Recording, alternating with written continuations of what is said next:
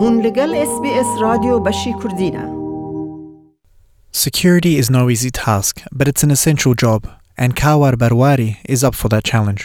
An arts degree graduate from La Trobe University, he's been focusing his time on his own security business. As a long term Melburnian, he recognises the need for event security in our country's cultural capital. Kawar, welcome to the Kurdish program on SBS Radio. Thank you for having me. Could you tell us a little bit about yourself? You're an arts graduate from La Trobe University. How did you find the time to set up your own security business? Obviously, studying and working is a very complex and dynamic thing to do. Um, while studying, I needed a job.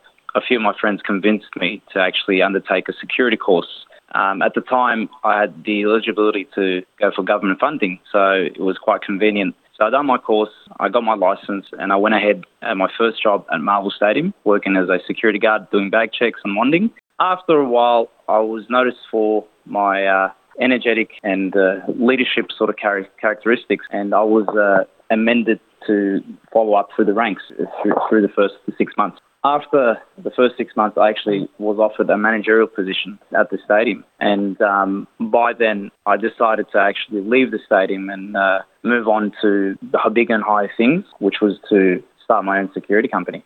Kawar, did you find it challenging working full time and studying full time? Absolutely, it's not something that, that is really easy.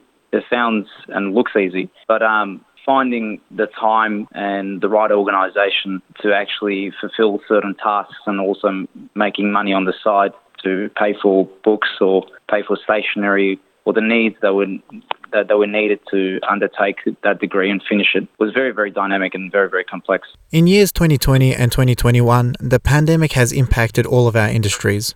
What's been your experience in the security business over the past couple of years? Obviously, the pandemic hit the majority of all industries in Australia and the world combined. The security industry was probably hit the most hardest as the majority of major events and uh, shows were all cancelled, and the casual industry was uh, put, on, put on a halt for that. We went from five contracts to down to one, which was uh, quite hard for us to actually maintain, specifically financially. But it also had a mental impact on, on us as well, as we weren't allowed to leave the house and attend these events as well from stage. But um, better days are coming and we are optimistic for the future. Better days are certainly coming. Things are starting to open up around Melbourne. Has your security business been able to respond to that? Absolutely. It's gone in a massive floodgate of ways. It's opened up a, a ton of opportunities for the security industry, but unfortunately, at this day and age, it's it's gotten to a point where there is a people shortage, a workers shortage, and we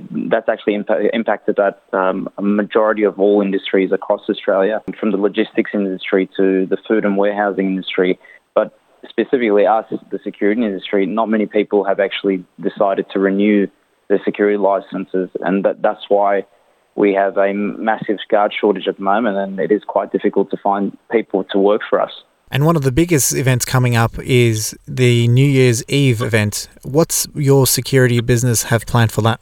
Safety and, and um, crowd control management is the key main uh, outputs that, that we are looking out for um, for the New Year's Eve event and making sure everyone is attending the city in a safe and orderly manner and leaving the city as well in, in a safe manner as well and going back to their families and, and, celebrating it at, at the same time. Um, the security measures that have in place are quite less than expected before due to the COVID 19 pandemic and the rising amount of cases that are currently happening in Victoria. So we have limited the, um, the number of guards attending to work for us on New Year's Eve and New Year's Day.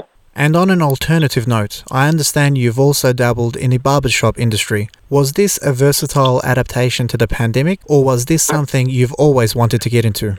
This was something that I've always done throughout my life. So obviously, I started off as a hobby, trying to learn and trying to see how to cut hair, and through social media, YouTube, and family, family relatives who are actually within the industry have taught me a few things. I, I never had any passion for barbering at the, at the beginning, but obviously it grows on you and you become more adamant to follow it through. So it's come to a point where I can gladly say to people that I've, I do a jack of trades, and that's three things, you know, as a barber, as an owner of a security company, and also as a graduate in an arts degree. Ironically, it does grow on you and you end up cutting it off. So tell us, Kawar, Arts degree graduate, security business owner, and a passionate barber. What's the end game for Kawar? I, I wish I couldn't know myself. It's gotten to a point where I'm still deciding on which path to actually continue, but I I feel as if it's going to get to a point where I'm actually just going to continue with all three, and I don't think I'll ever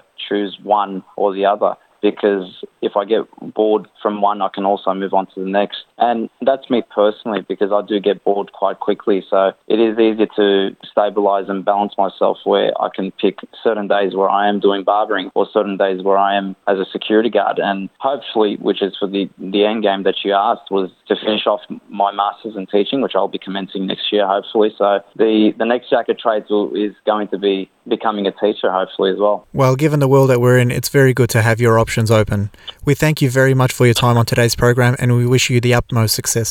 Thank you very much, brother. I appreciate you having me. دەتەوێت بابەتی دیکەی وەک ئەمە ببیستی؟